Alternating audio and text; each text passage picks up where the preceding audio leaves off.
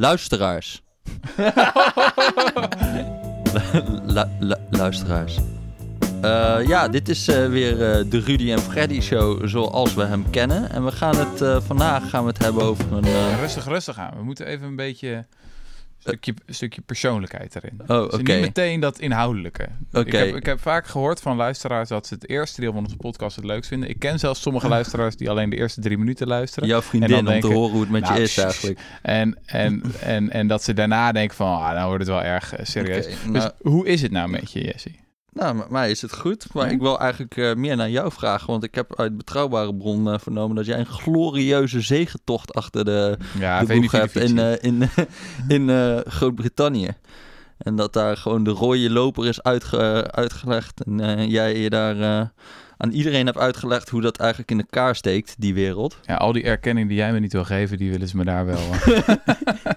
nee, het was heel leuk inderdaad. Ik ben de afgelopen week een week in Londen geweest voor de promotie van Utopia for Realists. Fantastisch vertaald door Elizabeth Menton.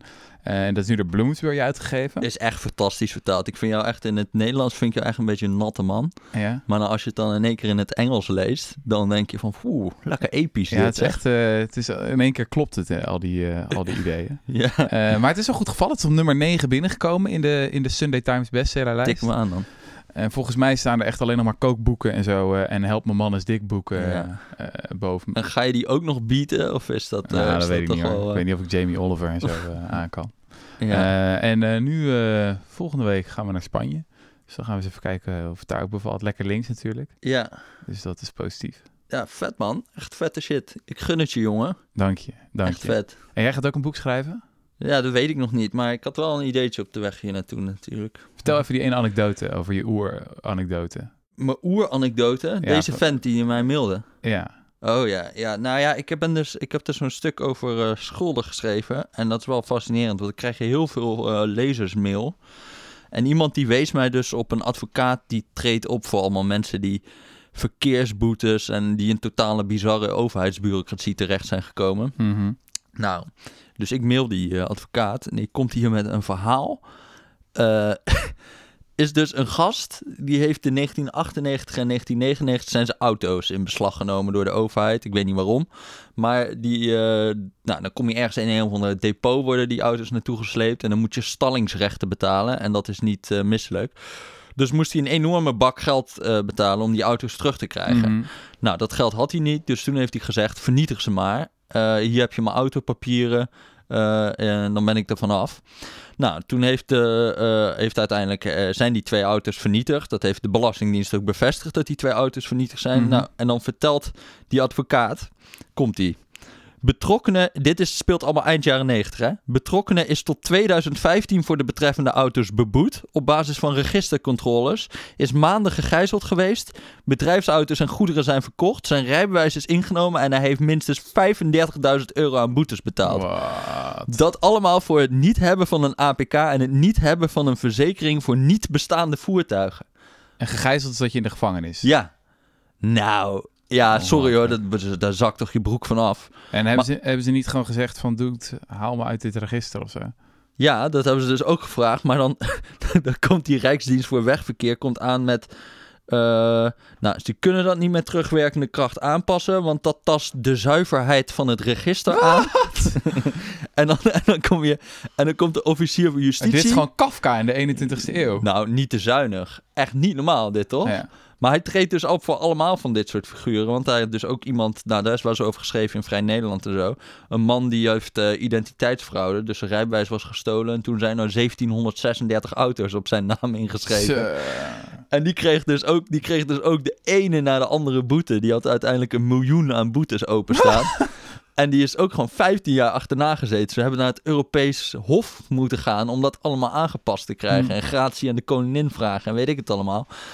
Nou, ja, nou ja, goed. Maar hier anyway, moet, hier moet wat ik wilde boek zeggen... over gaan. Ik, Kafka in de 21ste eeuw. ja, ik denk gewoon dat er een boek over al dat systeemdenken gone wild. Van, ja, computer says no, is eigenlijk wat zij zeggen. Dus Bureaucratie die op hol geslagen is. ja, van Ja, de zuiverheid van het register. Nou ja, zoiets. Dat heb je dus... Volgens mij kan je een heleboel dingen verbinden. Ook van in de zorg met al die kwaliteitsmetingen. En dat bijvoorbeeld bij psychiaters willen ze dan gaan meten... wat de kwaliteit van zo'n behandeling is. Maar al die psychiaters die zeggen... ja, dit Kan slaat nergens op. Nee. Ik moet nu allemaal data verzamelen voor een verzekeraar. Maar hier kan je helemaal niks mee. Dit heeft geen zin. Of dit, dit reflecteert totaal niet meer wat ik in mijn spreekkamer zie. Ja. Nou, ik denk dat een heleboel van dat soort dingen, als ik dat allemaal op één hoop veeg en daar een boek van ga maken. Maar ik hoor graag wat jullie ervan denken. Ja, ja mocht, je, mocht je luisteren naar de Rudy en Freddy Show op dit moment, heb jij ook een keer een volkomen bizar bureaucratisch moment meegemaakt? Mail naar jesse.decorrespondent.nl Meldpunt algemene bureaucratische misstanden. Ja, precies. De nationale ombudsman, zeg maar. Maar eh, eh, ja, want we gaan het natuurlijk eigenlijk vandaag gaan we het hebben over een eh, heel actueel onderwerp. Buitengewoon actueel. Ja, buitengewoon iets wat gewoon eh, enorm speelt. Ehm, en dat is de Guatemalteekse vogeltrek. Nee. Oh, Ik dacht aan Nee. postmoderne Venezuela, kunst uit Venezuela. ja. nee, we gaan het over de verkiezingen hebben. Maak je geen zorgen. Ja. Ehm, Ehm, ja. Oké, verkiezingen. Dus ja, Rutger, wat vond jij ervan? Nou, volgens mij kunnen we het een beetje samenvatten. En ik heb dat ook genoteerd. En we hebben goed nieuws en we hebben slecht nieuws. Oké, Waar wat, zou ik mee goeie- beginnen? wat is het goede nieuws? Nee, nee, trouwens, slechte nieuws. Slechte trouwens. nieuws. Nou, ehm, qua vertegenwoordiging is het natuurlijk ramp. Weer minder vrouwen in de Kamer. Geen zwarte Nederlander in de Kamer. Je, als je de zetels optelt, lijkt het ook een ruk naar rechts te zijn. Ehm, mijn analyse is dat Geert Wilders wel gewoon gewonnen heeft. Ik bedoel, je leest overal in internationale media vooral van... oh, het populisme is verslagen.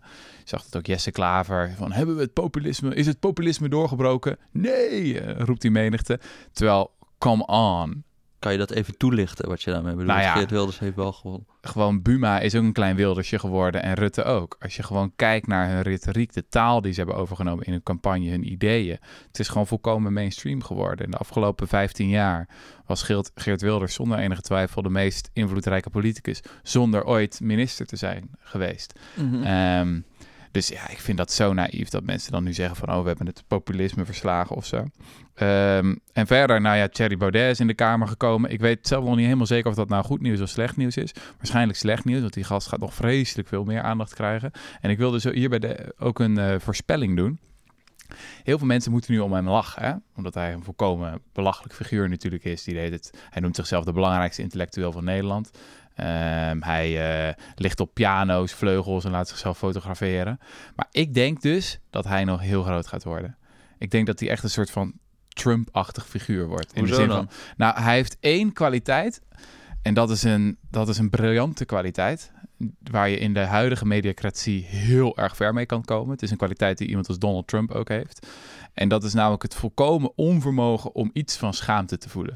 dat heeft hij gewoon niet. Gewoon het deel in zijn brein wat, wat bij normale mensen iets van schaamte registreert. Waardoor ze bepaalde dingen niet zeggen. Waardoor ze niet op een vleugel gaan liggen. Waardoor ze niet hoog op gaan geven over het IQ van zichzelf. zichzelf. Dat ze denken, ja, zal ik mezelf de belangrijkste intellectueel noemen? Als ik acht boekjes heb geschreven. Terwijl Sonja Bakker er ook, wat is het, 15 heeft geschreven. Nou ja, in ieder geval, dat is dan... Zal ik dat wel of niet, niet doen? En dan denkt hij gewoon zonder enige twijfel... Ja, dat ga ik wel zeggen, want dat is natuurlijk gewoon zo.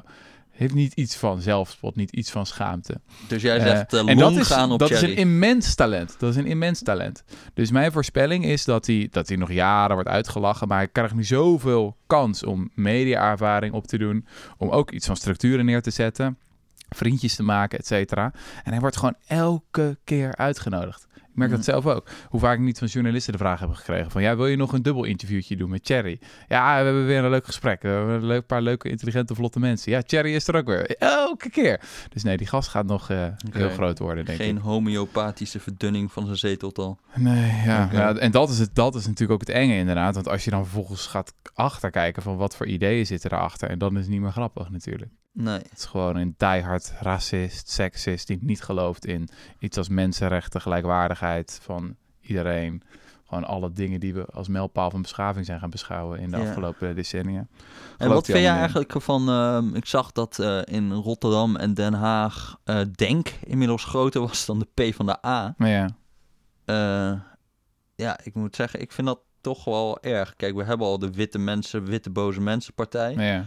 En nu krijgen we ook andere een soort Ja. etnische partijen of zo. Misschien doe ik ze tekort hoor, ik weet het niet helemaal. Maar ik denk toch niet dat veel eh, eh, witte mensen op denk, denk hebben Ja. gestemd. Dat dit gewoon toch wel een partij is die Absoluut. vooral het etnische aanspreekt. En, ja, dat is Nou ja, best wel eng Volgens mij kan je er twee dingen over zeggen. Dus één natuurlijk dat het, het zoveelste failliet van de PvdA aan. Want het Mhm. was natuurlijk een groep kiezers die, waarvan een groot deel traditioneel PvdA stemde, maar die hun geluid niet vertegenwoordigd voelden.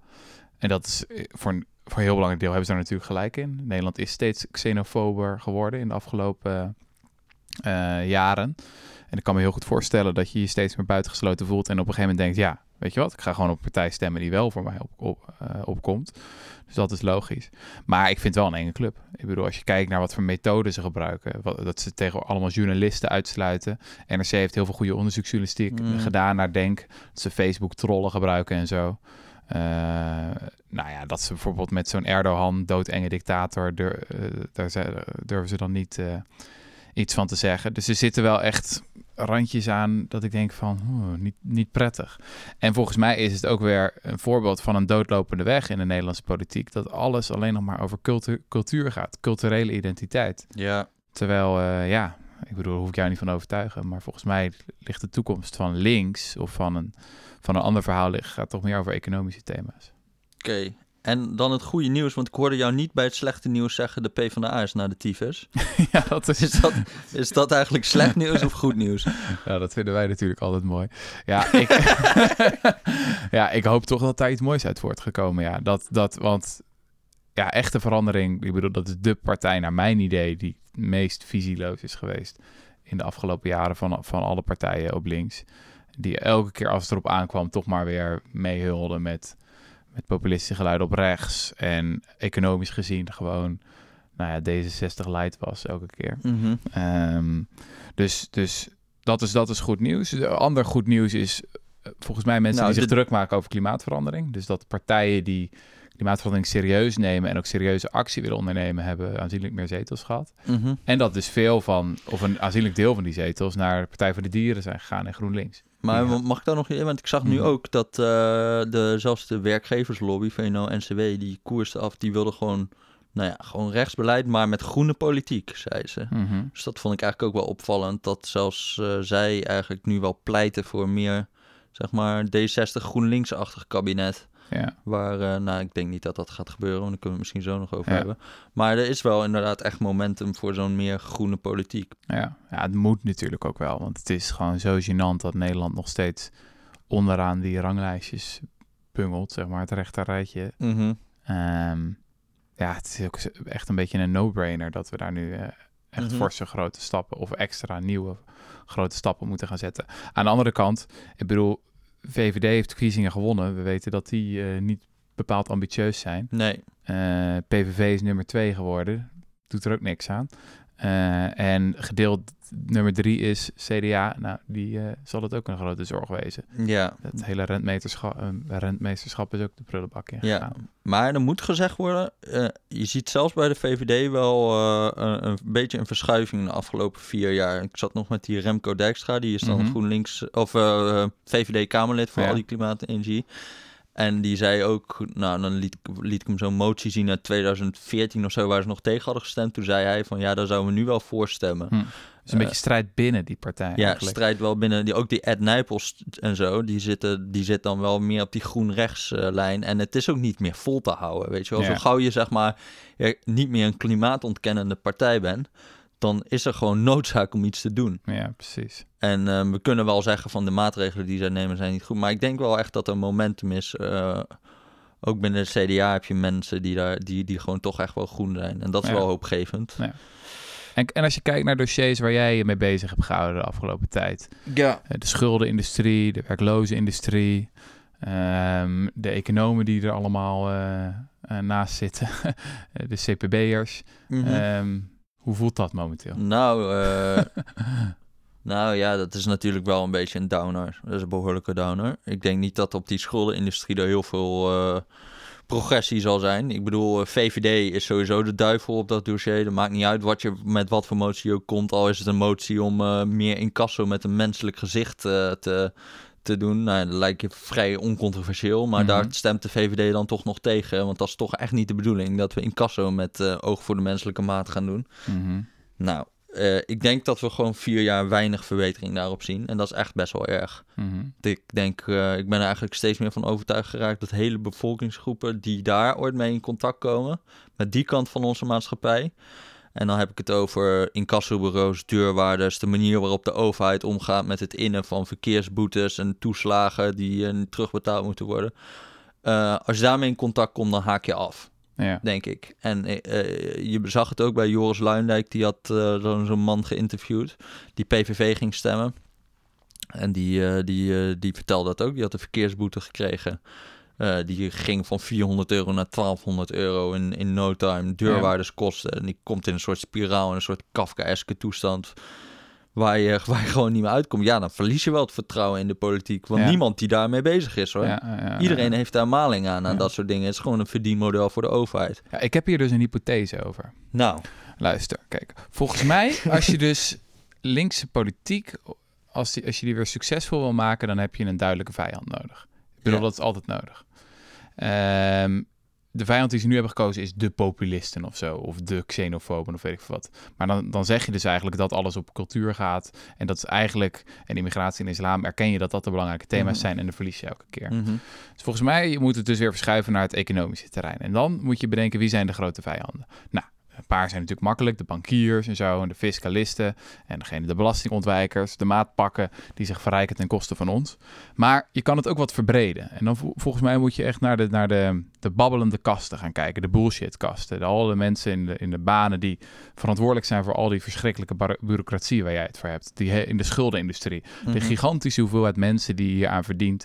Ehm, de, de papierwerkers, noem maar, op. Eh, dat is een hele klasse van hoogopgeleide witte mensen die daar goed voor betaald worden. En eh, die niet het echte werk doen in Nederland. Die niet de echte welvaart creëren. Niet de leraren, de vuilnismannen, de, nou ja, de schoonmakers. Mhm. Ehm, maar die bullshit-klasse. Volgens mij zou je dat centraal moeten zetten als vijand. De vraag is, waarom doet links dat niet? Mijn hypothese is als volgt.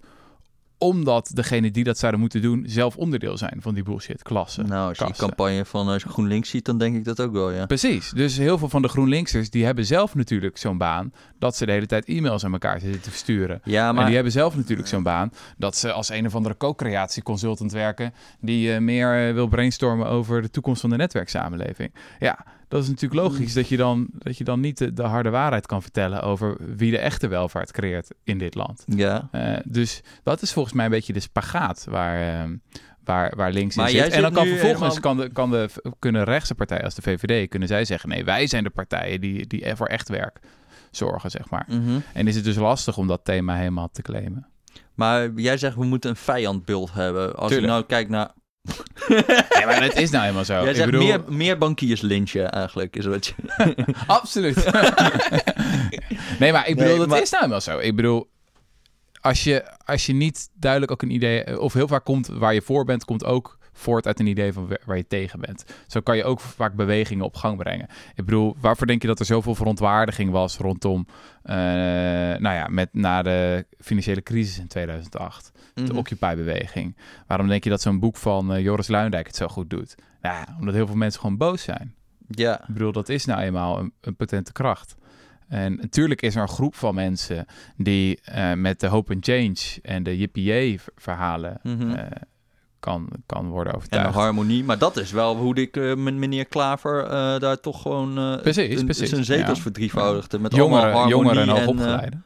Ja. Maar je moet natuurlijk ook op een gegeven moment de groepen gaan bereiken. De stucadoors, eh, de verhuizers. ja. ehm, Als ik daar nog iets van... Dat, we zitten nu in Amsterdam-Noord. Eh, nou, dat is de wijk van, eh, van die serie Schuldig. Dat is gewoon niet, niet de meest welvarende wijk in, in Amsterdam, laten we Mhm. zeggen. Hier was er een meerderheid voor de PVV. maar ja, precies. Ja. En Ja. ik denk wel dat je dat ziet, dat links... eh, nou ja, je hebt de SP nog wel. Die heeft nog wel een beetje de laag opgeleide en zo bereikt hij. Eh, maar vroeger was de PvdA dat ook. Die zijn gedecimeerd. ja. Ehm, en GroenLinks, ik, ik denk niet dat dat... Dat is toch nog wel gewoon een soort studentenpartij of zo. Ja. Voor mensen die eh, hoog opgeleid zijn en een beetje het goede willen of zo. Ja, maar, ja. Maar, maar er is niemand echt die... eh, die echt voor die laag opgeleide. Ik vond het wel ook een partij- opvallend, want ik was dus bij die avond van Schuldigen ook. Ja. En toen kreeg je eh, Ramona, en die zit in die serie en die heeft een huisuitzetting gehad. Die is haar huis uitgezet met haar hele gezin, omdat ze de huren niet betaalde. En op die avond werd zij geïnterviewd door eh, Hanneke Groenteman van... Ja. nou, hoe gaat het nou met jullie? En nou, nog steeds niet erg goed. Ehm, en uiteindelijk vroeg ze naar, ja, wat moet er nu gebeuren eigenlijk in dit land om, om dit soort dingen te voorkomen? En wat kan, kan er nou beter in het land? En wat, waar zij mee kwam was geen geld meer naar het buitenland. Ja, ja, ja. De hele zaal vol allemaal nette linkse mensen, helemaal stil. Maar ja... eh, Ja, maar zo werkt het natuurlijk wel. kijk, dat is, dat komt het omdat niemand er vertelt. is. Dat komt omdat niemand... Kijk, je kan ook tegen haar zeggen van... luister, jij zit vast in een afschuwelijke schulden- en werklozenindustrie. En wat we gaan doen, we gaan die er allemaal uitknikkeren. En, de en al dat geld dat we daarna gaan besteden... Gaan we, gaan we geven aan de mensen die het echt nodig hebben. Ja, Ik maar bedoel, ik dat is denk een simpel met, verhaal. jouw, Dat- met jouw vijandsbeeld, bijvoorbeeld bankiers en fiscalisten. Dat is niet wat die mensen zien in hun leven. nee. Ze zien wel gewoon... maar ook omdat iemand het ze vertelt. Ik bedoel, je moet een verhaal ook vertellen om het... Het is net hetzelfde ja, als met, het is met immigratie direct, en het is zo. te abstract. als je, je kan volgens mij best een positief en een, en een opbouwend verhaal over immigratie vertellen. Maar, en over ehm, wat, wat vluchtelingen kunnen bijdragen aan het land. Maar als je het niet durft, als je al meteen je verhaal begint met ja, ik weet natuurlijk ook wel en er zijn wel veel problemen en weet ik het allemaal. Ik bedoel, dat is de nieuwe politieke correctheid. Dat je eerst tien nuances moet maken waardoor niemand meer gelooft wat er daarna komt. Dus Ja. en, en dat is heel erg mijn, mijn idee ook, dat, dat dat de grote uitdaging voor links nu is. En daarom heb ik ook eh, geschreven dat volgens mij GroenLinks niet moet mee gaan regeren. Mhm. Want de kans is zo groot dat je dan zoveel water weer bij de bij moet gaan doen. Dat je vervolgens weer wordt meegesleurd in, het, in de dominante tijdgeest. Eh, terwijl wat je nu moet doen is echt nadenken over hoe kunnen we een, een tegenbeweging, een tegenkracht opzetten. Een beetje vanuit dat raam eh, van Overton gedacht. Mhm. Daar heb ik al eens eerder over geschreven. Dus dat politiek gaat niet over ehm, wat er in het midden gebeurt. Mhm. Het raam van Overton, eh, over, eh, Jozef Overton was een politicoloog in het midden van de jaren negentig. Die zei, ehm, je hebt gewoon een set van ideeën die als acceptabel, redelijk worden beschouwd. En je hebt ook een set van ideeën die als absurd worden beschouwd. Mhm. En wat je eigenlijk, de- die redelijke ideeën vallen binnen dat raam. Eh, en wat, wat echte politiek ga- ga- over gaat, is het verschuiven van dat raam. Juist, ja. En dat doe je niet door in het midden te blijven, maar door aan de randen te duwen. Mhm. Nou, wie doet dat het allerbeste in Nederland in de afgelopen 15 jaar? ja, Geert Wilders. Geert Wilders. Ja. En ja, links doet het maar dat, daar denk ik trouwens ook nog wel wat iets interessants is. Dat de PvdA vroeger de rol had van juist die beetje radicale linkse ideeën te, een beetje te verwateren en te vertalen in de AOW, de sociale zekerheid. Eh, gewoon, eh, zeg maar, die zorgde dat de vooruitgang nog voortkwam, zeg maar. Ja, je bedoelt dat het toen de communisten er nog waren. Ja, dat ook. Maar ook dat de PvdA gewoon niet meer, zeg maar, een, een, eh, die rol heeft gespeeld van... ver- eh, die, die, die, die, die, zeg maar, een beetje radicale ideeën te vertalen in beleid. Ze zijn alleen maar bezig geweest met... eh, oké, we moeten behouden. We moeten, die, we moeten zorgen dat die flexcontracten niet te, ver, te groot worden. ja. We moeten zorgen voor- met banenplannen dat de werkloosheid niet te veel oploopt. Dus het is niet echt een, een of groot verhaal of zo. Nee. Socioloog Marijn Oudenamst had hier ook een mooie analyse over. Die zei van, ja, als je als Sociaal-Democratische Partij al 15, 20 jaar aan mensen het, aan het vertellen bent van ja, het kan eigenlijk niet anders. Eh, de, de verzorgingsstaat is inderdaad te groot geworden en we leven in een ingewikkelde, eh, geglobaliseerde wereld. En ja, we kunnen nog een beetje de scherpe kantjes van afschaven, maar het is wel allemaal heel lastig en moeilijk. Mhm. Moet je niet verbaasd zijn dat op een gegeven moment mensen dat ook gaan geloven. Op een gegeven moment gaan denken van ja, jij kan me inderdaad niks meer bieden. Dus Mhm. ik moet op een andere set van ideeën gaan stemmen.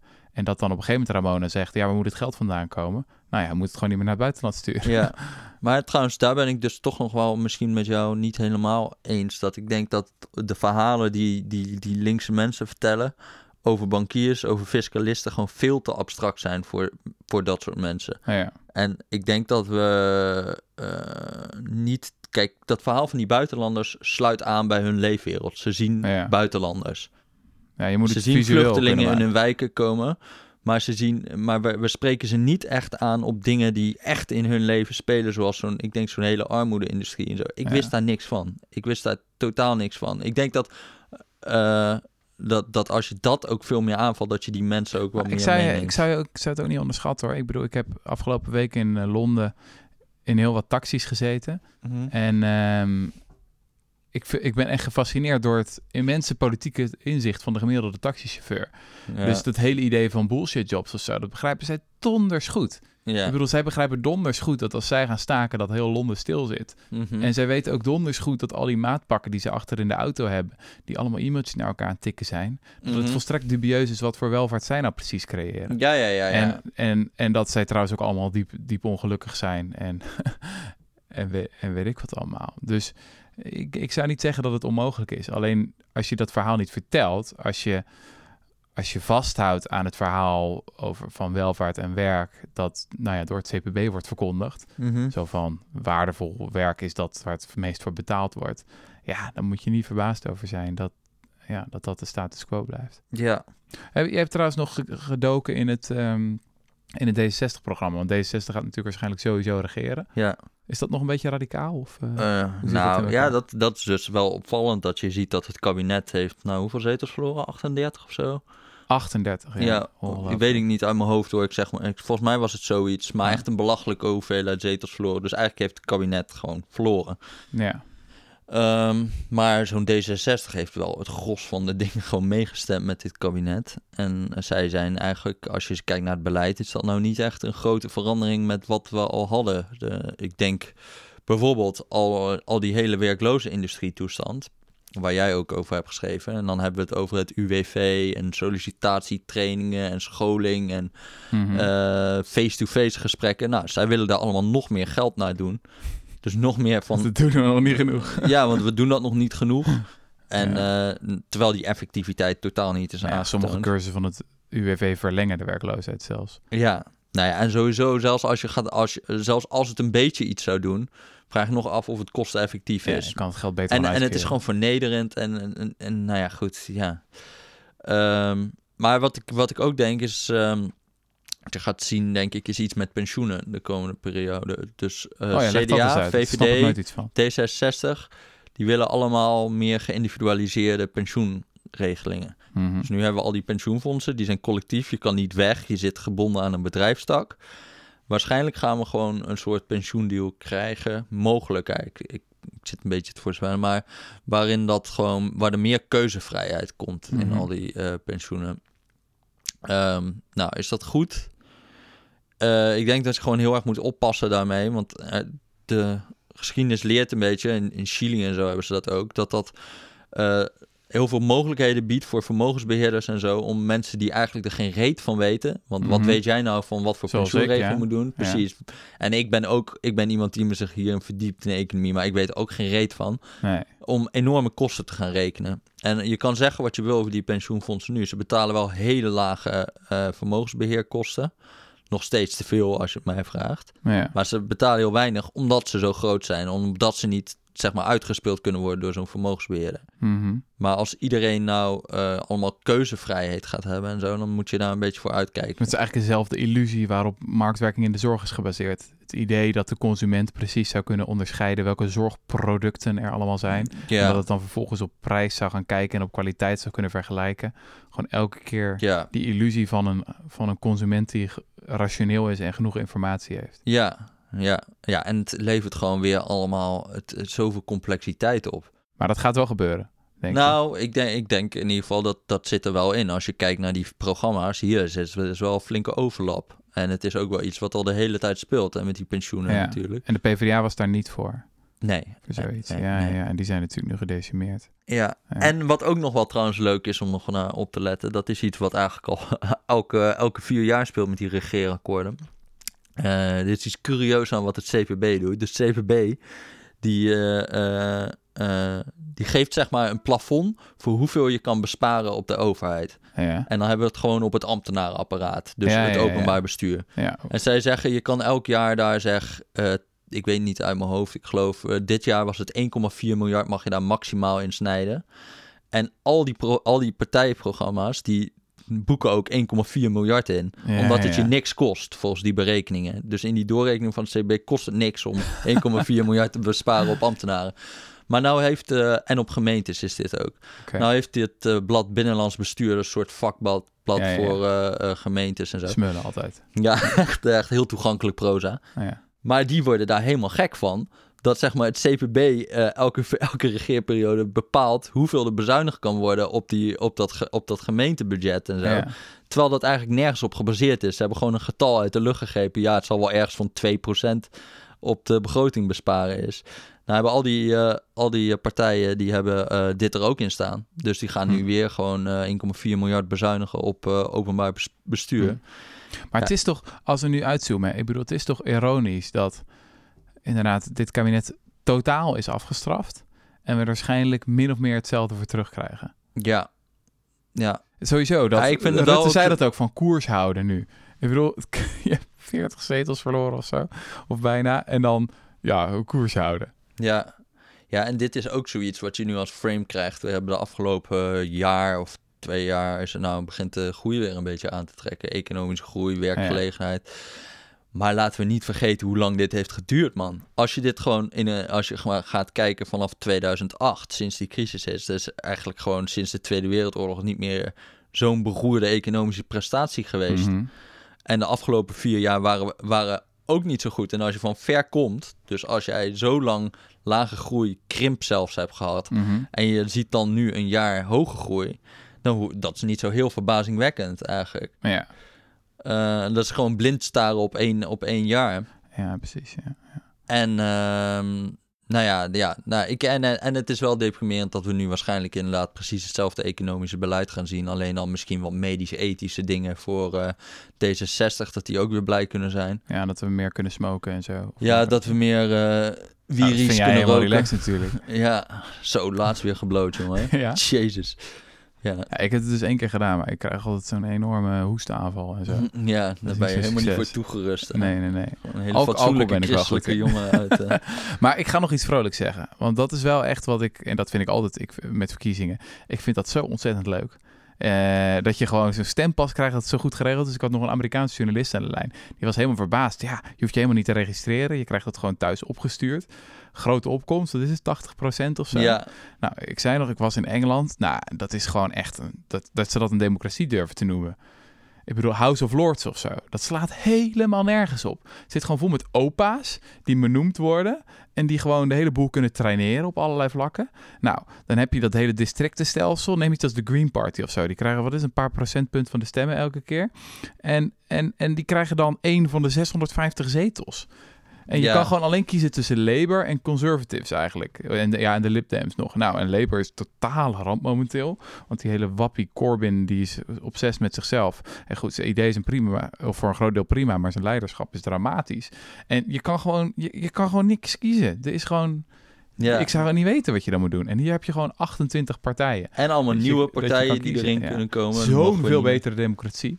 Ja, Als, als, als mensen dan ook zeggen van ja, er zijn te veel partijen en het is allemaal versplinterd, denk ik nee, dit is juist goed zo. ja, Dat, het nu, dat je nu weer om tafel moet gaan zitten en moet, moet gaan nadenken. Ik, ben, ik bedoel, sommige partijen lijken wel, weet je, zo'n D66 of zo, dat dat gewoon identiek is in feite aan, ehm, aan, aan wat, het, er- wat de regering al heeft gedaan de afgelopen vier jaar. Sure, dan denk je van, beleid, hè, ja. er- mag wel wat meer diversiteit. En zeker op links is dat zo. Maar het systeem zelf, naar mijn idee, functioneert best wel goed. Ik bedoel, David van Rijbroek had toen zo'n boekje geschreven over tegen verkiezingen. ja, tegen verkiezingen, dat we moeten gaan loten. En ik ben, he- ben daar heel erg in geïnteresseerd. Ik ben er ook een Voor voorstander van om daarmee een- te, mee te experimenteren.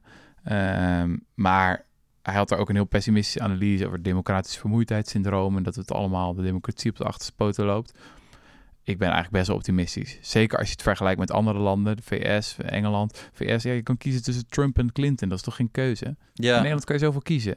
Ja. En dan gaan al die sympathieke, leuke mensen bij, die, bij dit stembureau en zo. Ja, ik vind dat zo gezellig. Dan zitten ze daar, al die vrijwilligers. ja. Ik, ik ga dan altijd, eh, ja, ik vond dat een mooie dag. ja, en gewoon zo'n ding in een kliko donderen. Ik vond dat ook wel leuk, ja. Ja, ja dat is machtig mooi. Ja, Oké, dus eh, eigenlijk ook een feest voor de democratie. absoluut. Oké, en, en nog even één ding. Wat moet links nou doen dan de volgende vier jaar volgens jou? Wat is het belangrijkste waar ze eventjes mee bezig moeten? Ja, nou, wat dus volgens mij positief is, is dat de partij die volgens uit politicologische analyses zorgt voor, wat is het, een verdubbeling van het, van het verschil in, tussen de politieke partijen in Nederland. Dat is de Partij voor de Dieren. Mhm. Die is van twee naar vijf zetels gegaan. Dus dat vind ik heel. eh, volgens mij heb je veel meer van dat nodig. Echt een radicaal ander geluid, een radicaal ander verhaal. Om de boel weer de andere kant op Heb te jij duwen. PVDD gestemd? Ja. Ja? Ja. Oké. Ik twijfelde heel lang GroenLinks, Partij voor de Dieren. Eh, uiteindelijk team gestemd. Oké. Ook wel heel erg vanuit die, eh, nou ja, die analyse die, die ik eerder had. Van als je op een gegeven moment echt iets wil veranderen in een land, dan moet je niet op het, op het midden stemmen. Dan hou je het juist precies zoals het is. Mhm. En bij GroenLinks twijfelde ik een beetje van wat, wat me wel aansprak bij GroenLinks is dat ze duidelijker pro-Europees zijn. Mhm. En ik vind dat gewoon te makkelijk bij de Partij voor de Dieren, dat het allemaal anti- anti-EU is. Mhm. Ehm, ik bedoel, thema's als belastingontwijking of zo, dan moet, je, moet je internationaal samenwerken, daar ontkom je niet aan. En milieu ook trouwens. Precies, ja. Eh, dus ik vind dat, hele, ik vind dat gewoon te simpel dat alles, alles kut is wat uit de EU zou komen. Ehm, maar dat ze op een eh, hele reeks van dossiers een stuk principiëler zijn, is volgens mij, eh, is volgens mij wel echt goed. Mhm. Jij dan? Ik ja, jij heb, hebt eh, die, Die SP-dame, ja. ja. omdat voor de schuldenindustrie. Ja, ja, precies. Ja. En omdat je zo eh, overdonderd bent door het charisma van Emil Roemer. nee, ja, het is gewoon echt... Ik voel me dan ook een beetje vies bij, eerlijk gezegd. Dat Ja. ik dan zo'n SP stem en dan hoor ik weer zo'n iemand over neoliberalisme. En, eh, ik weet niet, ik die heel die retoriek sta me gewoon zo tegen. Maar goed, het is wel echt zo als je kijkt naar al die, eh, naar wie daar echt wat deed, dan was zij het wel. Dus, eh, en ik denk als oppositiepartij is het ook alleen maar goed. Ja, ik weet dus nooit of, of wat ik precies van Jesse Klaver moet vinden. Of het nou uiteindelijk vooral hope and change, bla bla bla, heel goed Ja, een goede sociale media campagne is en dat het gewoon een goede babbelaar is. En hoe, hoe diep die nou echt overtuigd is. Hoe, hoe, Mhm. hoe sterk de ideologische grond Nou, is. Ik, ik- bedoel, ik kan me nog gesprekken herinneren met hem van is vijf, zes jaar geleden of zo. En dat Mm. hij zei van ja, jij bent toch voor de kortere werkweek en zo. En toen zei ik eh, ja, ja, ja, we moeten een radicaal kortere werkweek. En dan begon ik al mijn- mijn praatjes over de grote visioenen van Keynes en zo. En hij zei ja, maar het CPB heeft dat al doorgerekend. En dat kan toch niet? Ja, en toen dacht ik, huh, wat? Waar heb je het over, dude? Ja, Eh, maar sindsdien is het natuurlijk wel veel veranderd. Heeft hij dat boekje geschreven tegen het economisme en zo, wat ook Mhm. tegen het CPB is. Ehm, maar hij heeft natuurlijk zo'n druk leven. Zo ja, je moet bezig gewoon geen lijsttrekker zijn. Dat is Ja. gewoon dan, dat is gewoon. Maar kan je dan ook wel echt...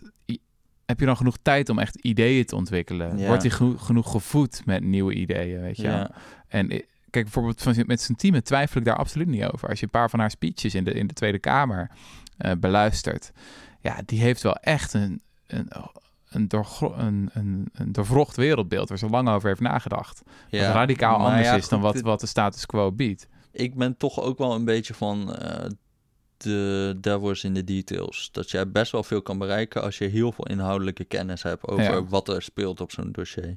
En ik ben een beetje bang bij GroenLinks dat dat ook ontbeert. Kijk, dat hope and change allemaal is allemaal prima. Ja, Maar als je niet weet wat je dan precies moet doen. ja.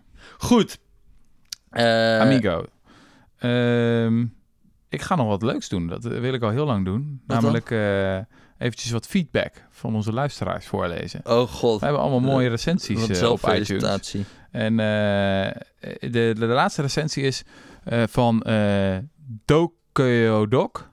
En die zegt, fijne podcast. Kunnen jullie een aanbeveling doen van podcast waar jullie vaak naar luisteren? Nou, dat kunnen ja. wij doen volgens mij. Ja, ja, ja, ja. Ik luister veel naar Alpha Chat. Dat is van de Financial Times. Mhm. Die praten eh, eh, dus met, eh, nou ja, het is een best wel financieel inhoudelijke podcast. Gaat, voor, zit jij daar ook niet in nu? Of je had wel met de Financial Times een podcast? hè? Ja, dat is een andere geloof ik. Oké. Ja. Nou ja, anyway. Maar die praten ook over dingen zoals basisinkomen en grote ideeën. Mhm. Dat is een hele toffe podcast. En ik luister The Daily van de New York Times. Dat is bij Vlagen Ja, die is best nieuw, oké. Ja, gaat over gewoon, gaan ze elke dag 20 minuutjes, kwartiertje, gaan ze één artikel uit de New York Times, gaan ze eh, daarover praten met die eh, reporters en zo. Dat is Mhm. ook best wel leuk. Komen die mensen ook tot leven? Want als je de New York Times leest, dan heb je niet het idee alsof er een mens achter zit af en toe. Nee. Maar dan hoor je zo'n reporter praten en die eh, zit ook gewoon te duden en te vakken. Mooi. Dus dan, dat is ook wel grappig. ik heb en, nog Conversations with Tyler. Tyler Cowen. Oh ja, ja, ja. ja dat is heel ja. leuk. Het is een voorkomen van de potgerukte econoom die echt bizarre interviews heeft met mensen. Hele rare vragen. stelt. Ja, ja, ja, ja. Overrated or underrated. Brazil of Singapore, zoiets weet ik ja, veel. dat ja. soort dingen. Ehm, en ik luister ook graag de Ezra Klein Show. Ja. Eh, Van de hoofdredacteur van eh, Vox.com. Een beetje de Amerikaanse correspondent. Die heeft ook allemaal eh, grote namen in zijn show. eh, vrij lange interviews van anderhalf uur of zo. Mhm. Waarin hij zelf vooral ook veel aan het woord is. Eigenlijk een beetje een soort van de Rudy en Freddy show. Eh, ehm, dat is echt de moeite waard. En heb ik nog meer? Ja, wat ik echt te gek vond, maar dat is wel wat oudere podcast. Dat is eh, Invisibilia. Mhm. Eh, dat gaat over allerlei eh, ja, psychologische onderwerpen. Heel vaak hebben ze een soort van iemand met een bizarre aandoening. En dan gaan ze door de lens van die aandoening, bijvoorbeeld iemand die geen angst kan voelen, omdat er, weet ik veel, iets in het brein niet helemaal oké is. Mhm. Dan gaan ze, gaan ze onderzoeken van wat het eigenlijk betekent, angst, welke rol dat vervult. Fascinerend, totaal fascinerend. Oneindig veel beter gedaan dan, dan de Rudy Dan en Freddy. Ja, podcast. ja, zoveel beter over nagedacht. Ehm, dus dat is, eh, dat is een mooie tip. Even kijken, heb ik nog meer eh, recensies die ik kan delen? Ja, ik had nog eentje, die, die moet je zeker even hebben. Wacht even hoor. Eh, dat ging namelijk over millennials en zo. Ja, hier. Van Mark Zuiderwijk. Beide heren vullen elkaar goed aan, maar zijn het over lang niet alles eens. Daarbij wordt het ook gebracht met humor en mensen die bij de tijd zijn. In tegenstelling tot een pauw in Jinek, Hey. Mhm. kan ik mij hiermee wel identificeren. En dan tussen haakjes millennials FTW uitroepteken. Maar wat betekent FTW? For the win. Je hebt nooit win. gegamed, hè, idioot. Oh ja, nee, ik ben geen millennial. Millennials for Ja, the ja. win. Nou ja, leuk dat wij ook de jonge lui van heden ten dagen aanspreken, Oh, er toch? staat hier wel met de aflevering inclusief Rob Wijnberg als een van mijn favorieten. Oh, Dat is dan weer een dat tegenvaller. is... Ja. Ja. Ik heb hier ook nog een recensie van ene Jesse Frederik. Die zegt... Geheel belangeloos zeg ik, wat een uitstekende podcast. Hele leuke jongelui. Zo lekker fris ook. Mooi. Ja, we hebben eigenlijk, ik moet heel eerlijk zeggen, nog geen negatieve recensies. Dus bij deze ook een oproep. Mocht je het een rot, een maar podcast vinden, laat, het, laat Ja. het ook even horen. Ehm, Dat Oké. was hem, hè? Nou, dankjewel uh, luisteraars. Denk, oh, ja, nog even wat promotie voor de eh, ongekende Lex Bolmeijer. Die, ja, die man die maakt al echt eh, jaren podcast voor ons. Sinds de late Er 19 komen allemaal eh, Venezolaanse kunstenaars die eh, postmoderne dingen maken. Nee, grapje. Nee, eh, nee, ja, die interviewt mensen. Zo tof, toch? Fascinerend. Vet. Op het Maar- kanaal van De Correspondent. Ehm, nou, tabé. Groetjes.